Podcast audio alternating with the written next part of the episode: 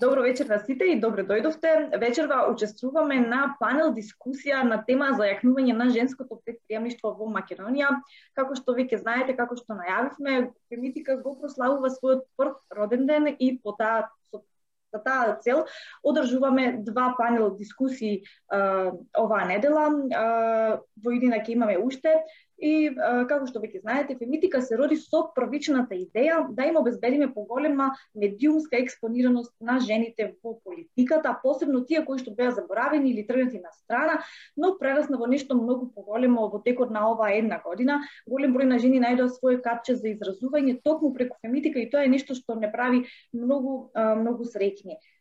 Жени од секоја професионална позадина, дали жени собственички на мали бизниси, на големи бизниси, инфлуенсерки и така натаму, го најдоа своето место во кај нас во Фемитика вечерва со задоволство ми е да ви ги представам моите панелистки за оваа вечер. Како што знаете, моето име е Илина Бејовска Затуровски, јас ќе бидам модератор на овој панел, а гостинки ќе ми бидат Ивана Китановска, основачка на КТН Мини, Моника Зец, основачка на Kids Co и Мери Амбросова, основачка на Моја фитнес мама и една многу наша позната инфлуенсерка. За жал, четвртата гостинка мораше во последен момент да ни откаже по различни причини, но се надевам дека во иднина ќе може да го надоместиме низиното отсуство. Дами, добре дојдовте. Добро те најдовме. Добро те најдовме. Браво. Мило ми е што сте што сте тука вечерва со со нас и со сите следачи на, на Фемитика. Можам да ви кажам дека за оваа панел дискусија имаше голема заинтересираност и најдена голема поддршка од сите кои што не следат на социјалните медиуми и многу сум среќна поради поради тоа и се надевам дека вечерва еве ќе има со нас многу луѓе кои што ќе не ќе не следат.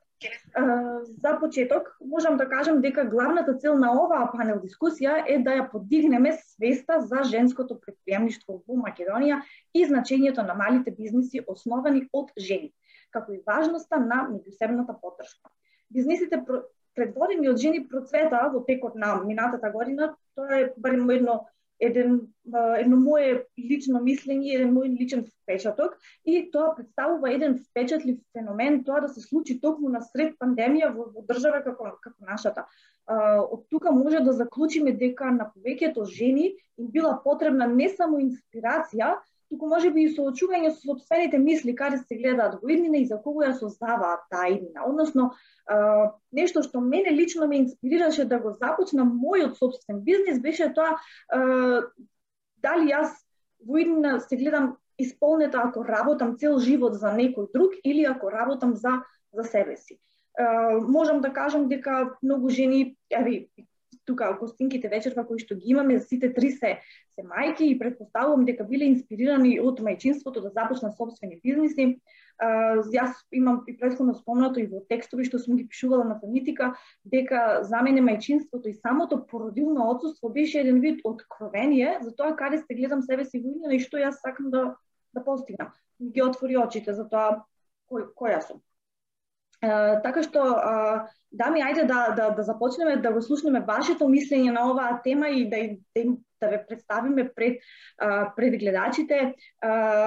Покрај тоа што сте успешни жени со собствена кариера, вие сте и мајки, како успевате да менаџирате собствен бизнис и мајчинство во исто време? Како мајчинството влијаеше врз започнувањето на, на вашите бизнеси? Јаве, Ива, ајде да започнеме со тебе, потоа ќе продолжиме и со, со другите. Да. Ти благодарам, Илина. Добро вечер на сите. Чест ми е да бидам дел од оваа панел дискусија и пред се сакам да ја поздравам идејата да се направи нешто вако среќен роден ден фемитика, нели во секој случај. И многу ми е драго што сум вечерва дел токму на оваа тема која што да кажам во последно време зеде еден огромен замав, поготово во овие услови на пандемија и мислам дека најверојатно тоа се должи на фактот што не самото успорување на светот не беше а, чин, кај што ние сите се соочивме само со собствените мисли, мислам дека му требаше на секој еден човечки организам, на, на секој еден човек, на секој една мајка, еве за нас стрикно ќе ќе разговарам, момент да успори, да се сопре таа глорификација на запатеност буквално во секоја сфера на живењето и да се ужива буквално дома, да се видат благодетите на мирното живење, на семејството, на сите оние работи кои што во текот на денот ние сме ги заборавале и сме ги тргале по страни. Е сега паралелно на тоа, чувањето бебе, чувањето дете, тоа си знаеме нели ние самите колкава тежина носи, али во секој случај тоа допринесе многу за сами да видиме дека нашиот потенцијал може да оди и подалеку од она што сме го замислувале до тогаш и така се родија многу мали бизниси, на моје особено задоволство, на моја особена радост, луѓето добија начин да да ја искажат својата креативност и во најмала рака да направат некоја пара дополнително од тоа. Така да ја поздравувам идејата и да речеме дека ова е едно мое генерално мислење околу целото функционирање во тие рамки. Моника, слободно.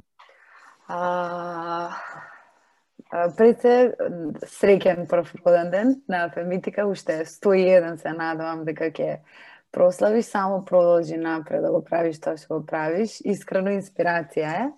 И ја, ја поздравувам пред се идејата за овој панел и за за се она што што го имаш ти на ум, само напред, уште еднаш ќе кажам.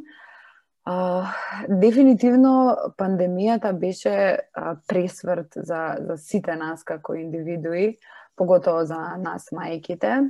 И дефинитивно сметам дека во пандемијата за прв пат почавме да се осврнуваме кон тие вистински вредности и кон што е она што ние го сакаме во нашиот живот, а со самото тоа што бевме затворени дома, почнаа да се раѓаат многу нови идеи, а, стварно сметам дека до садата е број еден инспирација за поголема креативност и од тука сметам дека произлегоа сите оние работи на површина испливаа конечно и мене искрено премногу ме радува фактот што а, што толку многу мали бизниси се отворија, што толку многу жени почнаа јавно и гласно да зборуваат во целата оваа пандемија.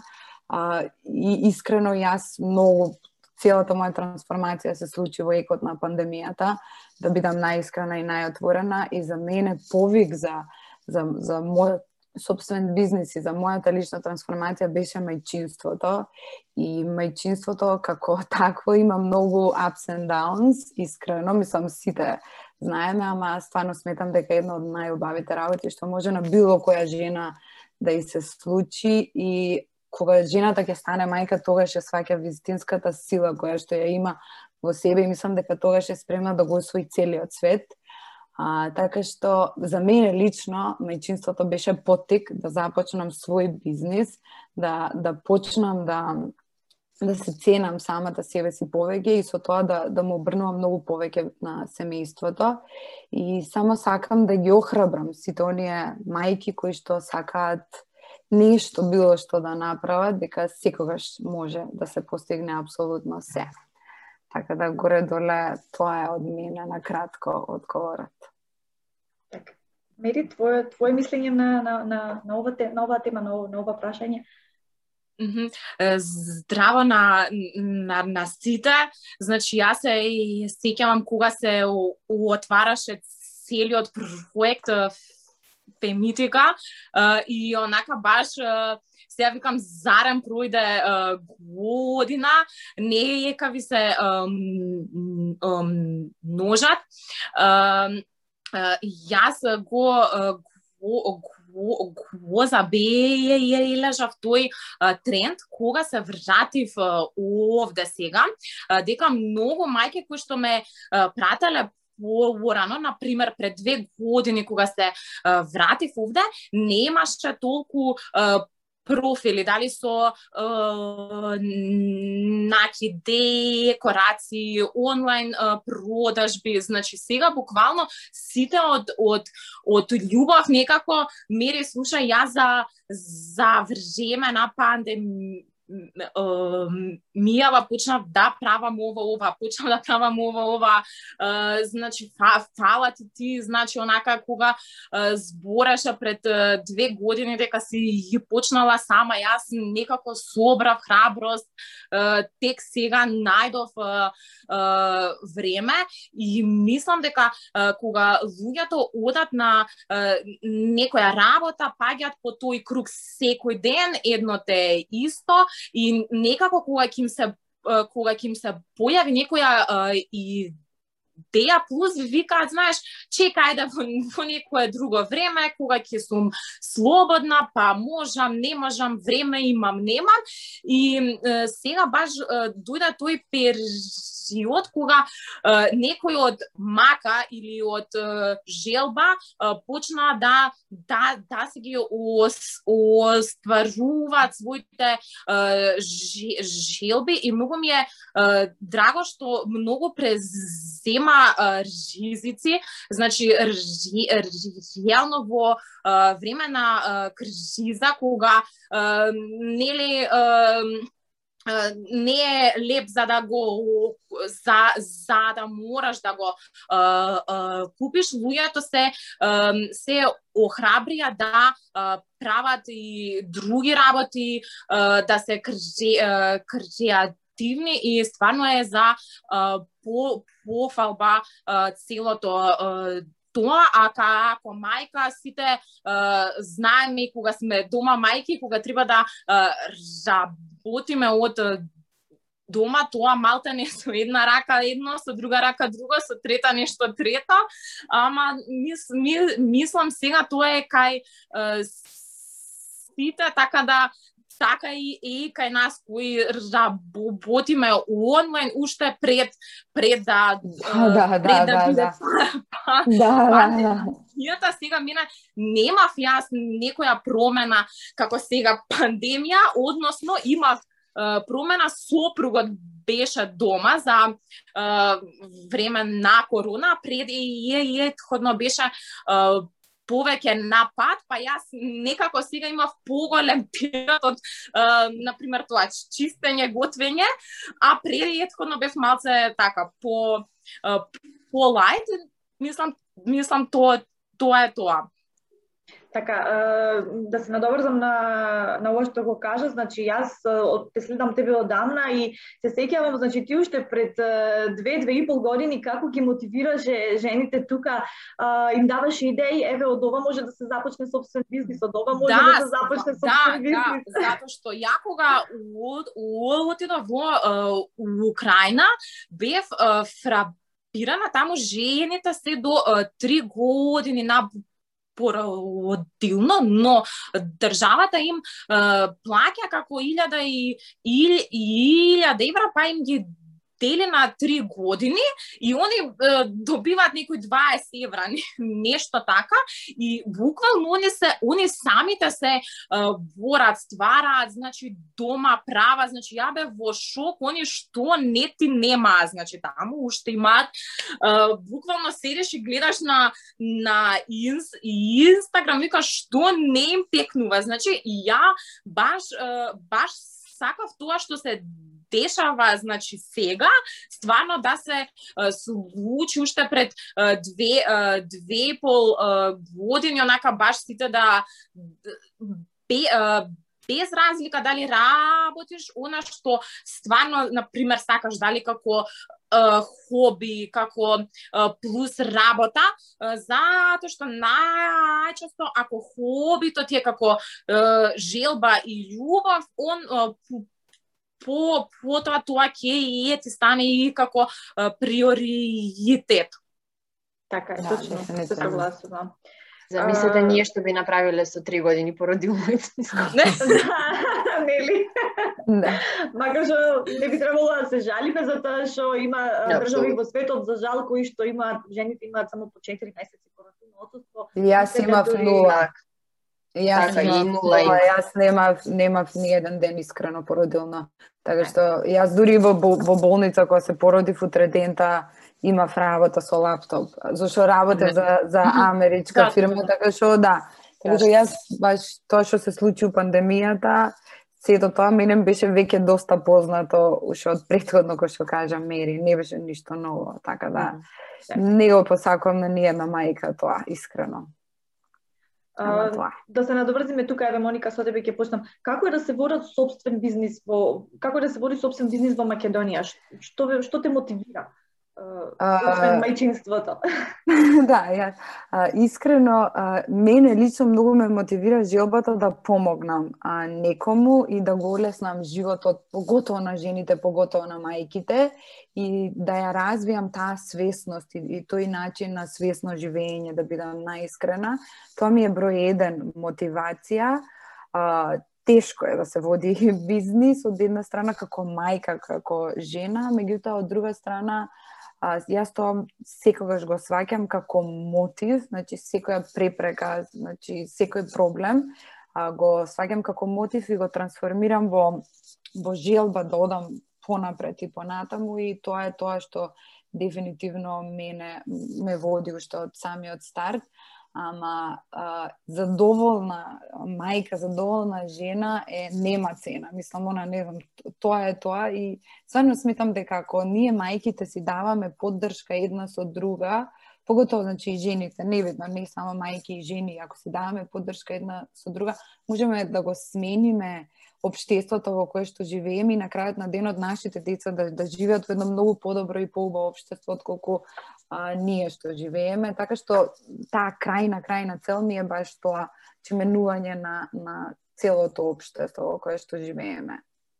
Така, на, на, еве тука да се надоврзам кога спомна менување на, на обштеството. Дали сметат дека зголемувањето на бројот на жени во лидерски улоги, без разлика дали е тоа во бизнес, политика или креативни уметности, е важно за промена на родовите стереотипи што ги ограничуваат опциите на жените во нашето општество? Односно, како да им дадеме поддршка на, на жените кои што сакаат да започнат собствен бизнес, да се вклучат во предприемништво и како да ги мотивираме да го, да го направат тоа? Ива, ајде со тебе ќе продолжиме, па после може Апсолутно, да, да, баш ви сам гласно ќе размислувам, ќе ќе говорам на оваа тема затоа што нели не мора да значи ако ние сме мајки, еве стрикно во случајов дека морало да го имаме тоа породилно отсуство за да ние дојдеме до сознание дека можеме многу да. повеќе мислеле. Верувам дека тоа може да го направи секој. Дали има 30, дали има 20, дали има 50 или над години, верувам дека границите се тотално беззначајни во, во оваа сфера. А сега зошто го говорам ова? Јас а, не работам по струка, инаку сум а, политиколог по занимање, иако доста време во студентски денови и после тоа се се мафтав да не речам во, во тие кругови, а, голем потенцијал останува таму, но за жал многу добро знаеме и каде живееме и условите во кои што живееме.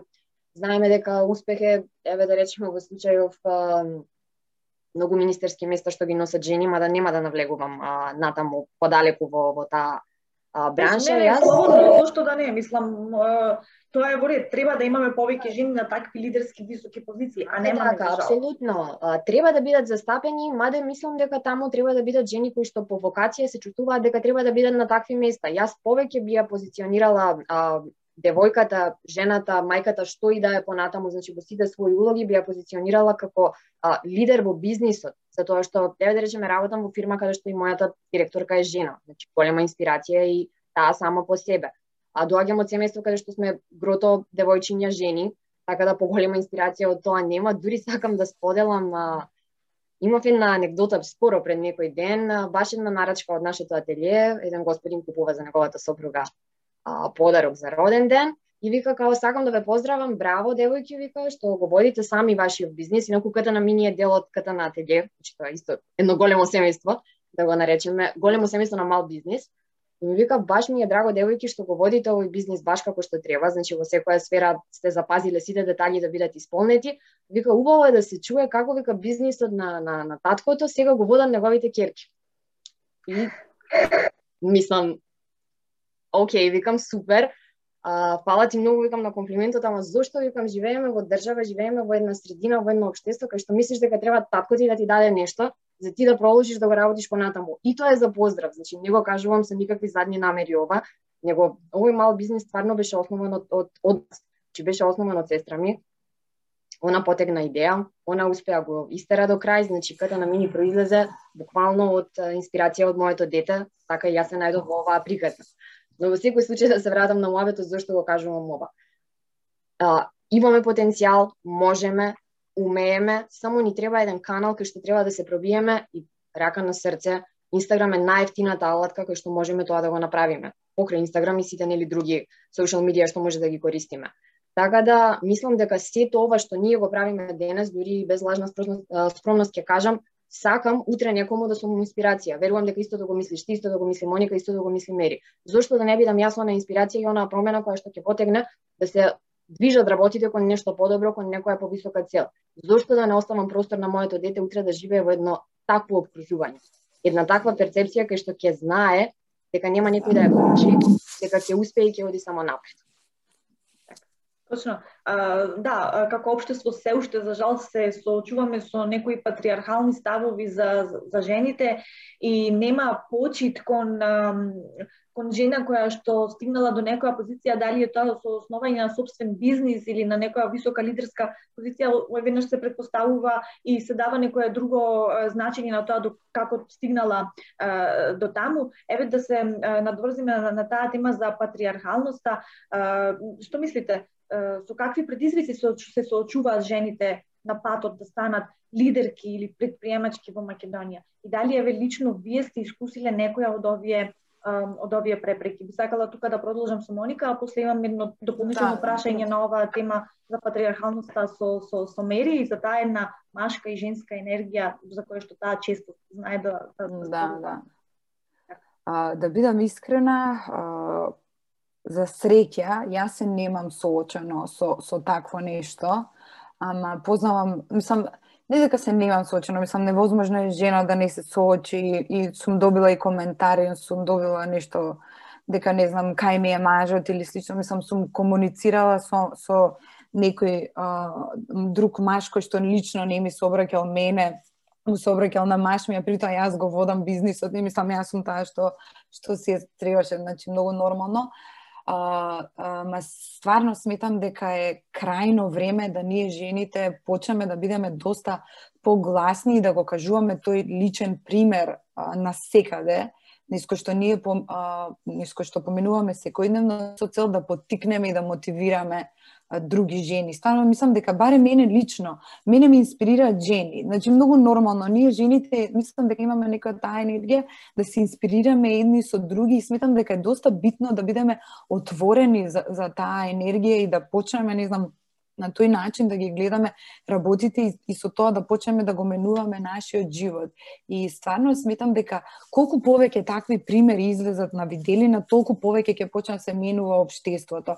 И тоа мислам дека сите видовме дека во во оваа измината една година се случи баш како што каже Ива Инстаграм е најефтиниот канал за реклама, за за за за говор, за што и да е и сметам дека треба да сме среќни што живееме во во такво општество каде што буквално буквално имаме една платформа која што премногу ни помага и да искористиме таа платформа максимално во, во добри а, цели, нели? А, така што стварно сметам дека а, за да почне да се менува тоа патриархално општество, се, значи, треба уште многу време. Мислам да не се лажеме, треба уште години и години. Мислам, ние живееме во, во поголеми градови, поготово ние што сме во Скопје, каде што стварно може би и него сеќаме тоа, но во, во оние порурални средини или помали градови со помало население, верувам и те како тоа постои, но за таа жена да биде охрабрена, она мора да види пример од друга жена. Сам ние жените учиме така, значи факте, пример една од друга си даваме и си учиме и треба долги години, но,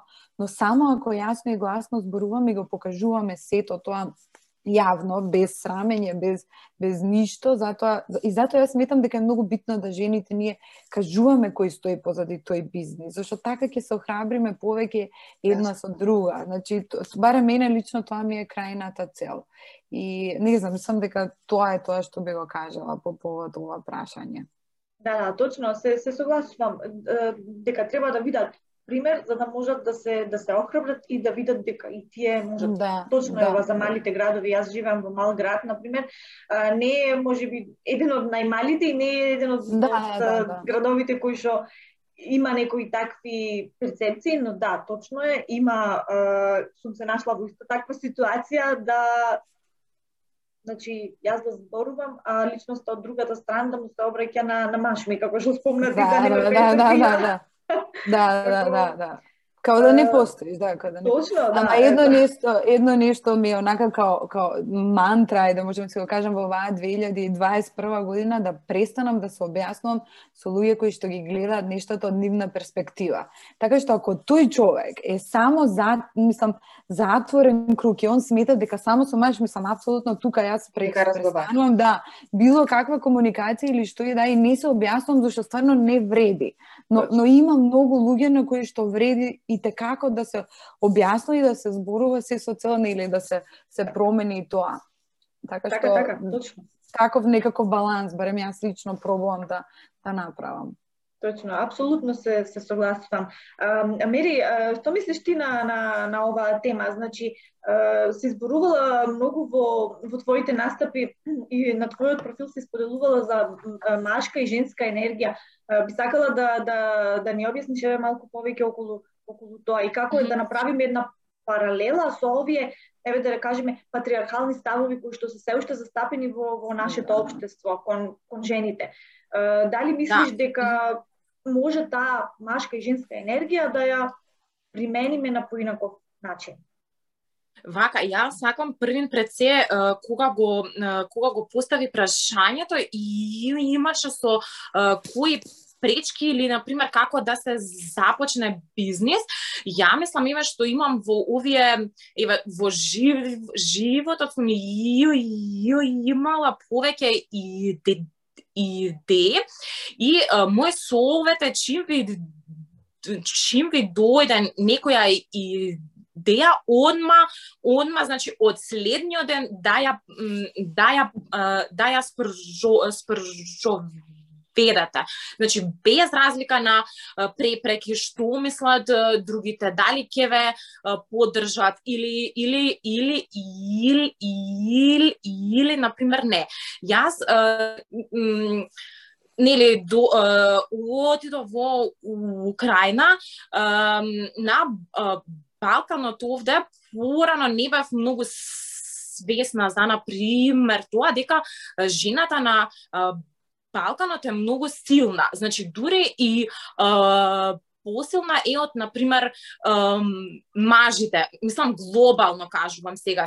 Сигурно да. има и, нели, и кои одат во друг контраст. Но, кога дојдов во Украина, приметив дека таму значајно мажите се како како да кажам, не можам да кажам дека уни се како не знам, се гледа дека се они како столб на семејство. Значи, они, они се, например, тие кои што финансиски го поддржуваат семејството. Значи, не е тука прашање дали јас жената плаќа пола трошоци, мажот пола, него се знае дека е, мажот е, плаќа се, жената може да учествува доколку работи, нели секако, но како е, глобала, он е, тој кој што го об, обезбедува себе е меството. И Например, таму жената седи три години дома, но затоа мажот работи од сабања до навечер.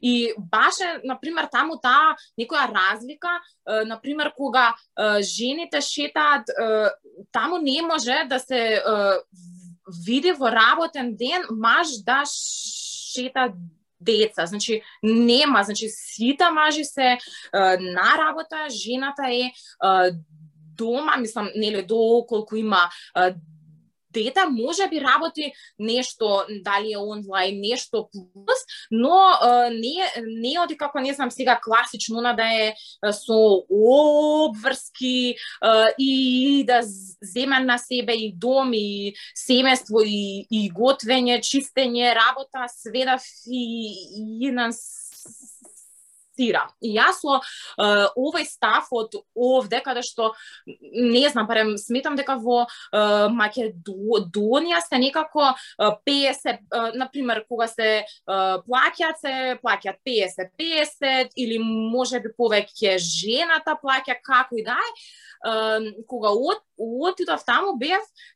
нели со опругот со друг менталитет и бев бев малце во шок што се дешава околу мене и почнав да идам на некои курсави и они баш таму ја разглаба дури значи таму збора дека жената треба да е во бизнисот, треба да за, потува све тоа стои, но да ја задржи женственоста во стил да не оди во конкурентност дома. Значи, нели на работа, нели си конкурираме, нели компании, не знам, колеги, но кога се вра, вра, враќа дума да излага таа улога и да е пак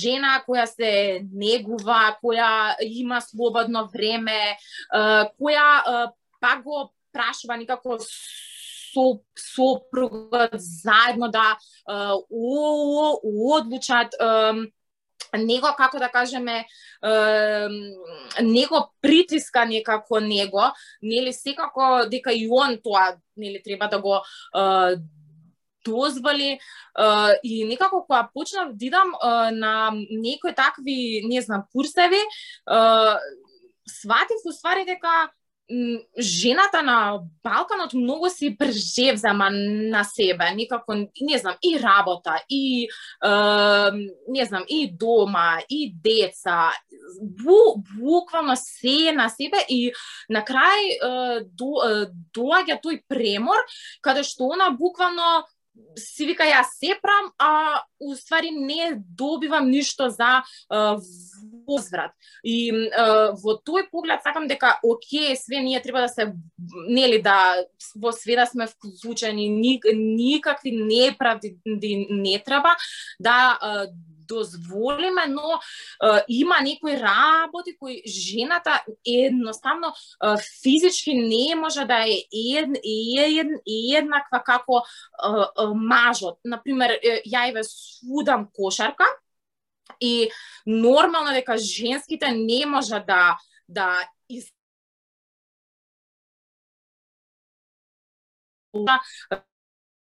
И мислам тоа не можеме ние да се да се бориме за некоја рамноправност дека ние треба да судиме исто што и не знам машки суди, а него во нашите можности да си ги земеме нашите не знам еве женска кошарка, машка, но пак оној потешки таму не знам финалња пак да се остават на машки. Тоа е само пример да, да не одиме во некој друг контраст на жените сега, рамноправност, не знам, тоа е, е мој став да жената пак да си го, не знам, да се да да си го задржи своето слободно е, време, својата е, сила, е, не знам, тоа е, е, е мојот став. Така, на тоа мислиш под кога кажува за женска енергија, дека жените ворете да имаме кариера, да бидеме успешни на кариерата, но меѓутоа кога сме дома да си посветуваме време на себе, да се грижиме за себе, едноставно да не се изгубиме да, во целата таа слика, да, како да кажам. Да, машка е енергија, уствари сигурност, сила, а женска е нежност, кржеација, потик, поддршка, она како викаат само ој боже, сочувство. Да, сочувство. А мажите се како како како сила и од таа причина мажот ја како да е е заштита и на жената и на и на децата, а кога жената го инспирира мажот, он ствара. И практично затоа е тоа позади секој успешен маж стои успешна жена, затоа што Са некој, ја еднаш кога го, например, кажа фона, ова и добив на стори што имам ја да го инспирирам мажот, мислам грешно беше а, сватено тоа, не треба ние сега тука да му го инспирираме, слушај ти сега се врати од работа, јас сега ќе те инспирирам тебе, него едноставно да да он кога ќе се врати дома да да не му трубите на глава што си оставил ова овде ти реков ова ти реков она чекај ова чекај она. Него пак некако со како да кажам не знам со све да оди преку љубов, не нежност, да нема грубост тука. И они да се почувствуваат дека се дека дека даваат сигурност на на семејството, затоа што имаше на една дискусија, една сподели дека како небитно заработувале. Исто, но сопругот секогаш ги покривал по по големите трошоци и дошла до момент да земат стамбен кредит и она фатила врски, земала она на свое име и е, после тоа е, од тој момент е, практично е, сопругот ја гу, губи та тоа чувство на сигурност и заштита што што го давал на е, семејството и и почнуваат е, семени е, проблеми како не знам караници. И кога ја прашале жената што се промени, значи ко, која драстична промена се случила, не и текнало дека е тој кредит потоа го, го, го префрлиле на негово име и практично све се се вратило на свое на свое е, место. Така да не знам, ја овде повеќе би ги охрабрила маце маж да Да нема Аки... толку големи ега, би рекла. да, да. Што тука станува збори за его со последниот пример, да, но... Да, да, така, така. Никако сите да. свесно малце да да почнат како што кажа вредности што ги спомнавме, нели? Да. Затоа што малку е проблем еве и во нашето општество е, има такви случаи каде што поради преголеми ега не можат да, да, да припадат да. успех на жените и тоа е Тоа е проблем да, во нашето Да, ама затоа што, знаеш, затоа што е, е, е, таа жена треба да е со е, е, посилен маж. Ме сваѓаш? Значи, да, да, тој да, маж јасно, треба да е, јасно. да е на таа. Ева, јас сега, ја што се, еве, тој феномен е патриархален е во во Украина многу э, изразен. Јас кога сакав да го э, започнам мојот блог и кога требаше нели сопругот э, кога му реков дај ми дај ми пари за да идам на ова курс, он мене ми кажа што ќе ти тебе курсеви, што ќе работиш, немаш никаква потреба, еве јас работам, чувај го детето, ништо не ти треба. И ја на пример тука не се повлеков, еве ова е баш инспирација на некој што ете нема да речеме таа првична поддршка. Ја бев како без разлика дали ќе ме поддржиш ти или не, ако ти не, ја ќе ја ќе се земам кредит, и ќе ќе ја стварно првиот курс е, земав кредит, е, го пројдов е, ко, е, е, првата година ја буквално само вложува во не знам обуки, курсеви, не знам што пракси, плаќав обуки и тек втората и третата година и он веќе со тек на времето свати уствари и сега кога му го спомнав тоа дека он он ми, он ми кажал така он беше не тоа не е вистина ја како тоа не сум го кажал. И еве ме мене ми е баш драго што во тој момент можев и да се повлечам да си кажам па да, што ќе ми е, па и вака ми е добро, можам и вака да да живеам. Да, ќе останеш дали знаеш. Дали знаеш ти дека за жал многу жени не продолжуваат понатаму во таа борба, туку многу жени се повлекуваат при првото не. И, и тоа е и тоа е таа самодоверба што ние жените ја немаме и тоа е тој наш глас што мислам дека дефинитивно е ајде многу стишан кој што треба активно да се работи, да се да се збори и колку и ствари жената треба да, да биде истрајна во сето тоа. Мислам, ти и јас, еве, ние, ние тука сме реално, и добро, тие што ги познаваме околу нас сме едни од ретките. Сам јас познавам еден тон жени кои што, јас прв пат кога се најдов, значи, на, на тоа да отворам свој бизнес, јас добив од многу мои лични, многу блиски другарки, као, еј, знаеш ли нас колку пати ни има текната таква идеја да почнеме нешто, ќе видиш на секоја втора мајка и текнува. И Јас бев као, а зошто не продолжите понатаму? Па кој ќе се замара, па не можам се, па не знам. Знаеш, и онака, тука сваќаш колку таа самодоверба многу од нас жените ја немаат, ја немаат таа истрајност, ја немаат таа упорност да продолжат да да да се борат, мислам да прават, Ма да ја немаат ни финансиската самостојност. Мислам дека се должи на тоа. Да.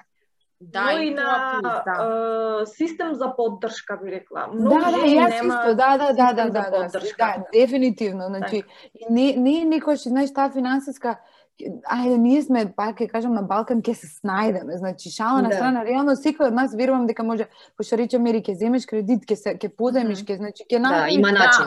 Да, има начини, меѓутоа работата е колку сакаш ти да го најдеш Да, тој да, да. начин. И колку Значи- сакаш ризик да, например, Точно, а, точно. пре, превземеш.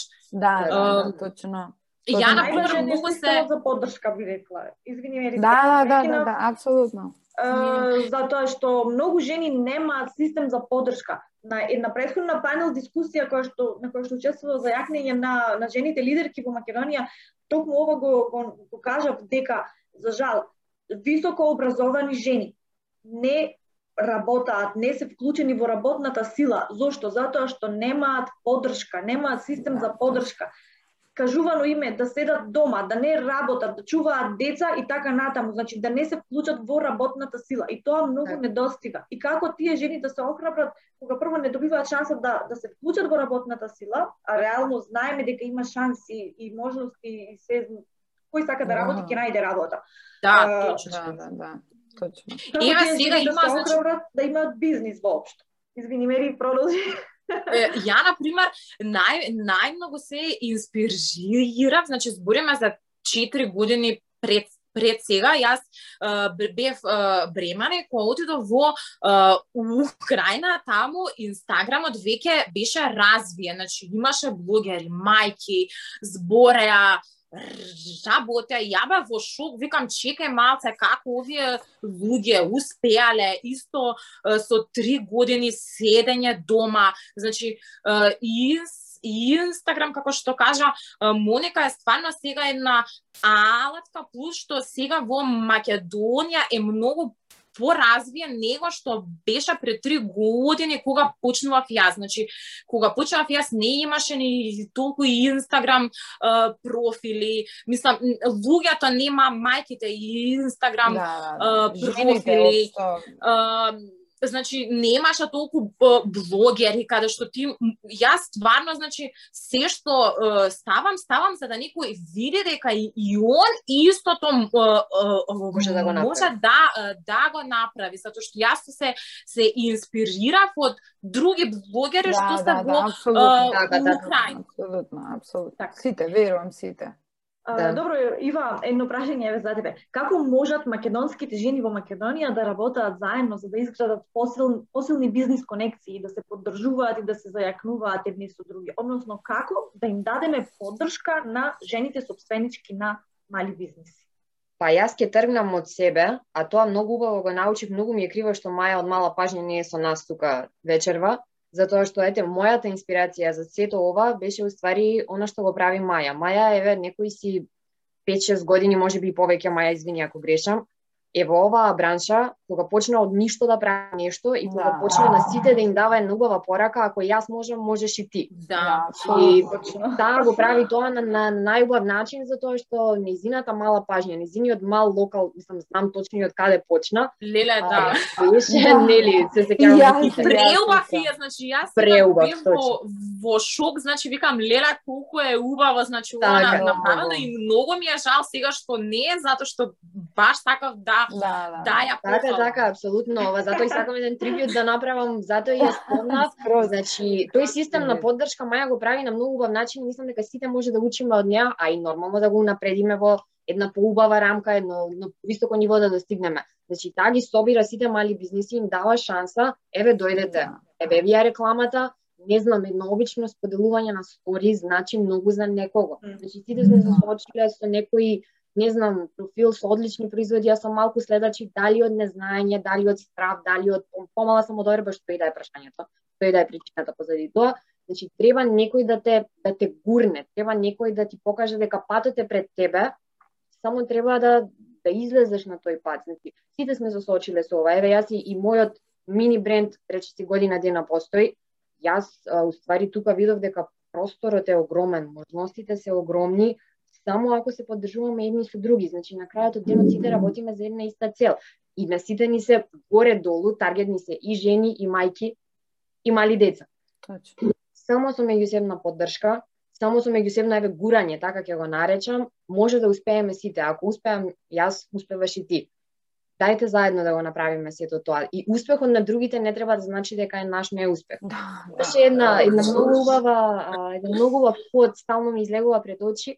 Вика се додека другите успеваат, јас ќе аплаудирам, затоа што ќе дојде и мојот ред. Да. Другите треба да аплаудираат за мене. Да, да, Точно. да. Така да точно, сметам дека има една голема вистина позади сето тоа.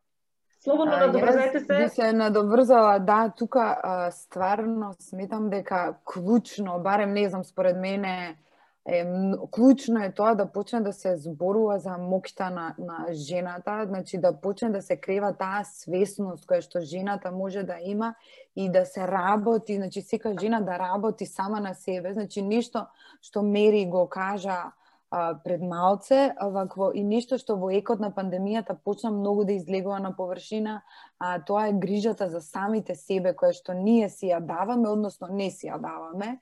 Значи ние поготово на Балканот сме научени се да правиме, за сите да се грижиме, сем за самите нас да, Да, се да. грижиме. И Така, тука и тука мислам дека е, дека тоа е почеток на на се, почеток на недоволна самодоверба, на немање време, на неконцентрација, на на згаснување на нашите страсти, на нашите потреби, на она што ние го чувствуваме од внатре да, да не води, значи сета таа сила.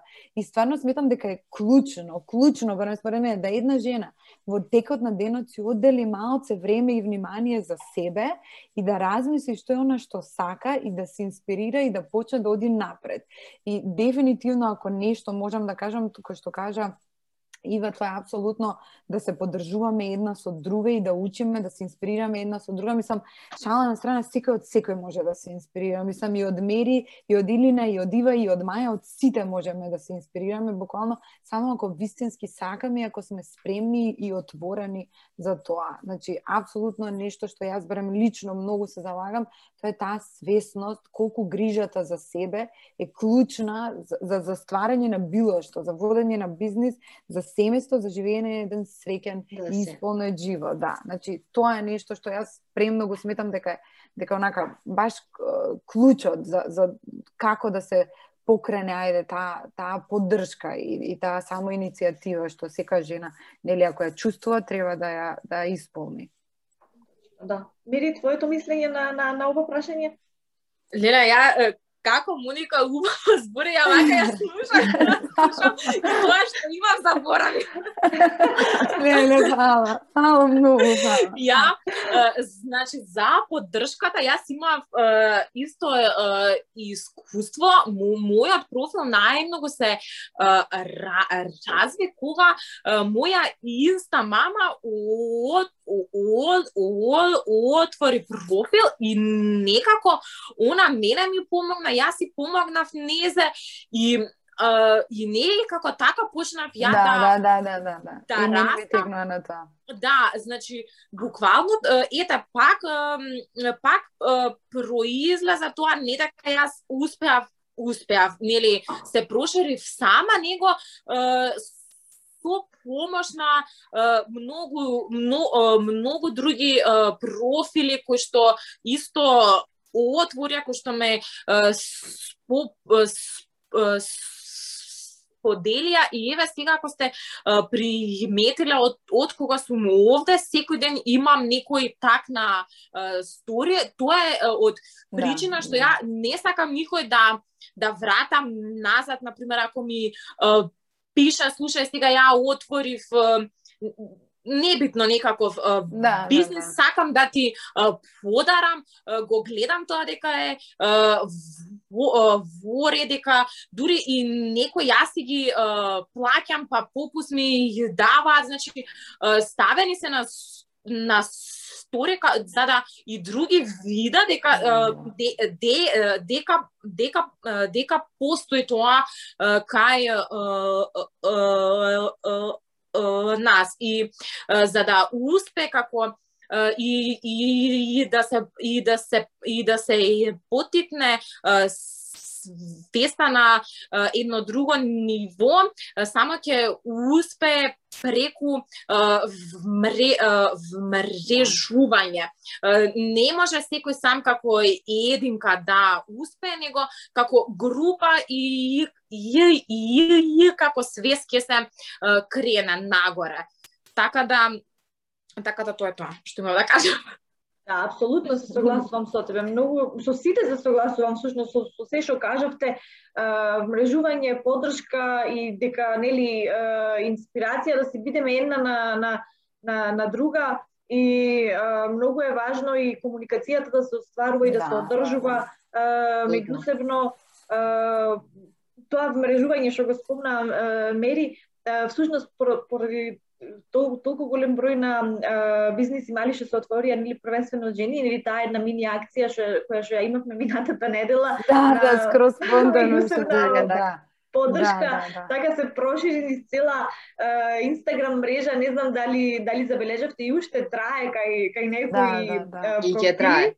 Да, Така. и ќе трае и беше тоа така како едно а, еден еден бум, мислам, убава Да. енергија се се се почувствува на на мрежата. с- Извини, само да те прекинам, јас многу би сакам, значи секоја жена, секоја мајка што има некаков бизнис, што почнува, што има идеја, значи слободно слободно пишете, значи слободно искомуницирајте, значи слободно да. стапете во контакт со било кај јас постојано тоа зборам, значи слободно пишете ми, јас апсолутно веднаш би, значи мене ништо не ме кошта, значи а може многу да промени кај неа. Мислам јас толку многу луѓе од таа мини акција, баш што ја кажа Ирина, а, значи дозна за нови профили, за нови брендови, значи тоа беше искрено чудо.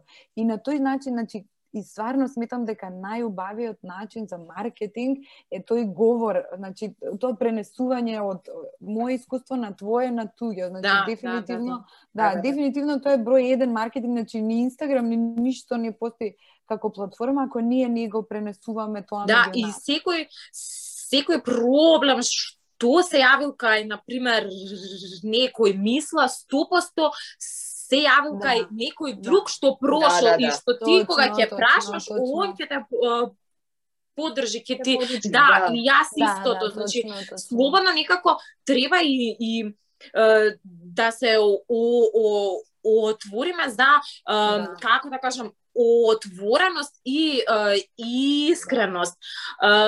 Да не знам, на пример кога ќе еве кога ќе ми пишат мене на пример да имам тој тој проблем, што мислиш или еве јас сега се справам со ова, сега што да правам, значи 100% сум прошла и јас низ тоа, Да, Моника да. прошла е, и слободно и там можат и како да се, не знам, да пишат, да, се- да се Да, обратат. слободно, мислам, никој, моето искуство може нешто ќе бе научи. Или твоето, мислам, апсолутно Да, да. искуство. Да, и обоstrано. Може, да. така. Да, може една скроз нова перспектива на, на нешто да ги добиете и како на друг начин да го решите тоа.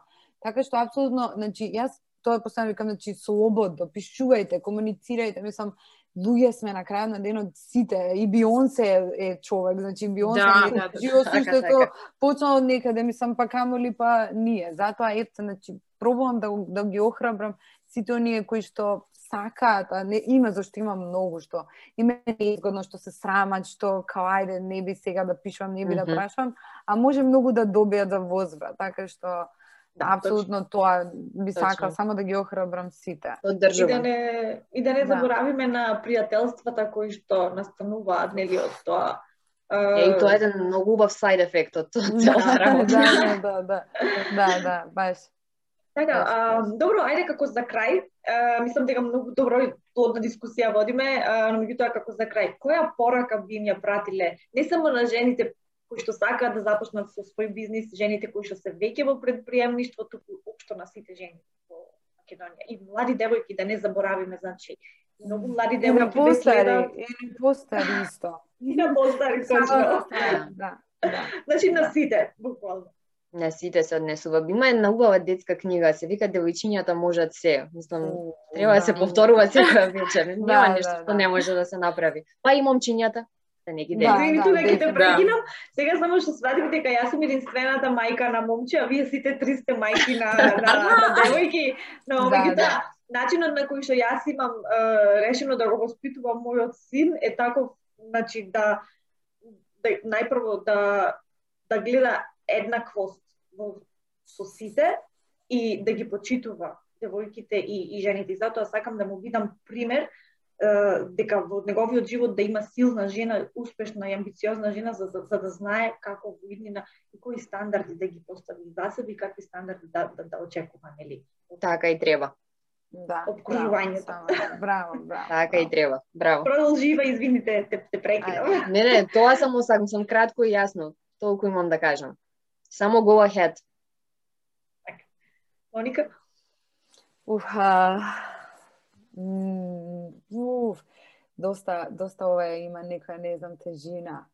А, работа на себе, број еден. Апсолутно работа на себе, упорност и, и не знам, борба максимално. Мислам, нема нешто, значи, не, не постои нешто што е невозможно. Значи, секогаш за апсолутно се имате решение, само треба да го најдете. И само оние упорните и оние што вистински сакаат да го најдат решението, ќе го најдат. А, пробајте да стравот, затоа што стравот е најголем непријател на човекот, мислам да не се лажеме, не постои ништо друго, стравот, само стравот. Пробајте да го совладате стравот, пробајте да а, да најдете како да, да го потиснете тој страв. Не да го потиснете, туку да се соочите и да го решите, не да се потиснува. Скроз контраефект се добива ако се потиснува. Ама дефинитивно и стварно мислам дека секој може се. Мислам не постои кој што кажа Ива, мислам девојчињата па и момчињата можат се. И редно време е да го менуваме ова општество на подобро. Мислам, ако ништо друго, нашите, да, нашите деца го заслужуваат тоа, ако не ние, они дефинитивно. Мери? Баш така. Јас да веруваат во себе, никогаш да не се, како да кажам, предаваат и кога е тешко да е, истраат, да работат на себе без разлика дали ќе ќе го постигнат е, успехот кој што го е, го сакале никогаш да е, не престанат и во кариерата да да се е, вложува и да се оди како напред, но и е, да се е, вложува како е, човечко е, е, битие и е, да се е, развива и во е, тој план, без разлика дали е машко или женско, затоа што само така ќе дојдеме до подобро општество и за жените и за мажите. Да, апсолутно. Апсолутно. И само уште нешто да додадам. А, нема труд кој што не се цени. Значи, секој вложен труд на крајот на денот ќе се исплати. Може би не веднаш, може би треба години, Точно, ама да. секој, секој, Така. секој труд, мислам, од моје лично искуство, верувам и од вашето искуство, Да, да, да, да. секој труд секогаш се исплати. Така што само само кој што рече Мери, значи само упорност и само многу труд вложување во се, во себе, во бизнис, во семејство, во во се. нормално. Многу добри пораки се испратија вечерва тука и, и инспиративни и мотивирачки. Мислам дека секој што го гледа овој панел во, во овој момент ќе се замине, ако не друго, барем инспириран а, со, од, од оваа голема женска енергија која што се Да, чувствува да. вечерва тука. Баш, баш. А, со, со, со, со најголема сигурност можам да кажам дека а, вие како како жени и како мајки, како собственички на мали на мали бизниси а, сте на сте вистинска инспирација за сите а, во во Македонија. Затоа што а, сте направиле нешто од ништо, значи од од нула до до кула и а, верувам дека и вашите следбеници на социјалните мрежи и тие кои што ги следат вашите бизниси исто така се а, се чувствуваат а, во врска со пораката која што се ја пренесувате. Многу сум среќна што имаме се поголем број на, на, жени во Македонија кои што се охрабруваат да навлезат во предприемничките жени, посебно собственички на мали бизниси, кои што сами почнуваат од, од, од од нула буквално би, би рекла и е, тоа е за за гордење, посебно за една мала држава како е, како нашата. Точно. Фала Илина, исто и ти. Фала ти на тебе. Фала ти, премногу фала, да, да, премногу фала, премногу. Фала ви вам што се согласите да бидете е, гостинки на, на, на овој панел јас се надевам дека го имаме ќе имаме повторно шанса да, да го повториме разговорот секако и во проширен Во проширен живо, период. во Да, живо, да, да, во живо.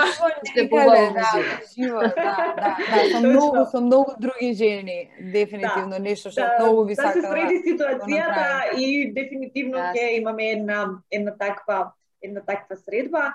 Uh, ви благодарам што бевте дел од вечерашниот uh, панел. Благодарам на тебе. многу фала. Но, мило ми е вака што е, со Ива се познаваме и лично, многу би сакала да ги запознам и Мери и Моника исто така лично и да Слободно. а, да ја продолжиме. Да. Издо и јас. Е, биде и тоа. Да. Да, да. Така, а, драги а, следбеници на овој панел, а, ви благодарам што бевте дел вечерва со нас а, и се гледаме утре вечер на следната панел а, дискусија ќе се дискутира на некои посериозни теми би рекла вклученоста на жените во политиката, како се третирани, што да очекуваме и ќе се дискутира за оние квоти на застапеност на жените во а, политиката, во парламентот, во а, ми- на министерските позиции и секако градоначалничките позиции, нешто што ќе е доста актуелно следниот период, затоа што се наближуваат локалните избори, така да следете, а, ќе е доста интересна дискусија. Повторно благодарам на моите гостинки ово Фала, вечер и на сите кои што вечер. не следеа. Чао. Чао, чао.